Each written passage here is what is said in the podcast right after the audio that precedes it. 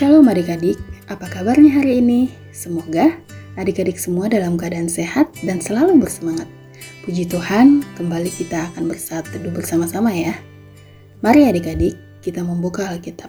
Firman Tuhan hari ini terambil dari Markus 16 ayat 1 sampai 8. Mari kita mulai dengan doa. Tuhan Yesus, terima kasih untuk pemeliharaanmu pada kami. Kami anak-anakmu rindu mendengarkan firman-Mu ya Tuhan. Pimpin kami agar kami mengerti firman-Mu dan dapat menjadi pelaku firman-Mu. Amin. Adik-adik, mari bersama-sama membaca firman Tuhan dengan bersuara. Markus 16 ayat 1 sampai 8. Kebangkitan Tuhan Yesus.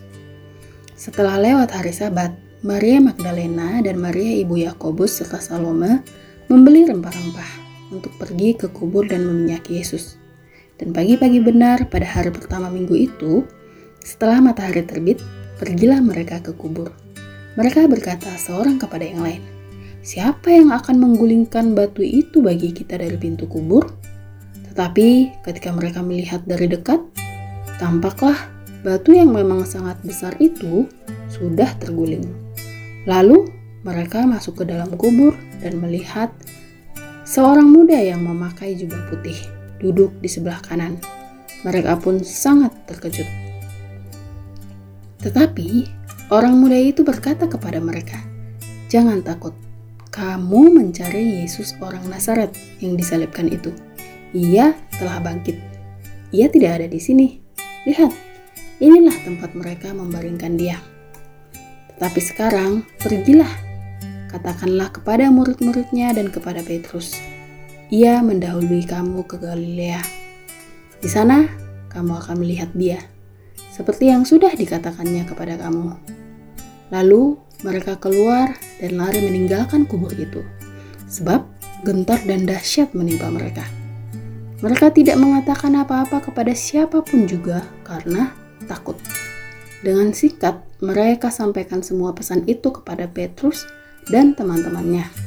Sesudah itu, Yesus sendiri dengan perantaran murid-muridnya memberitakan dari timur ke barat berita yang kudus dan tak terbinasakan tentang keselamatan yang kekal itu.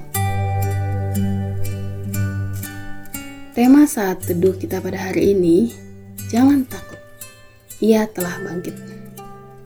Adik-adik, kita baru saja merayakan Paskah, hari kebangkitan Tuhan Yesus. Pastinya adik-adik sudah mendengarkan firman ini. Tante berharap adik-adik masih ingat.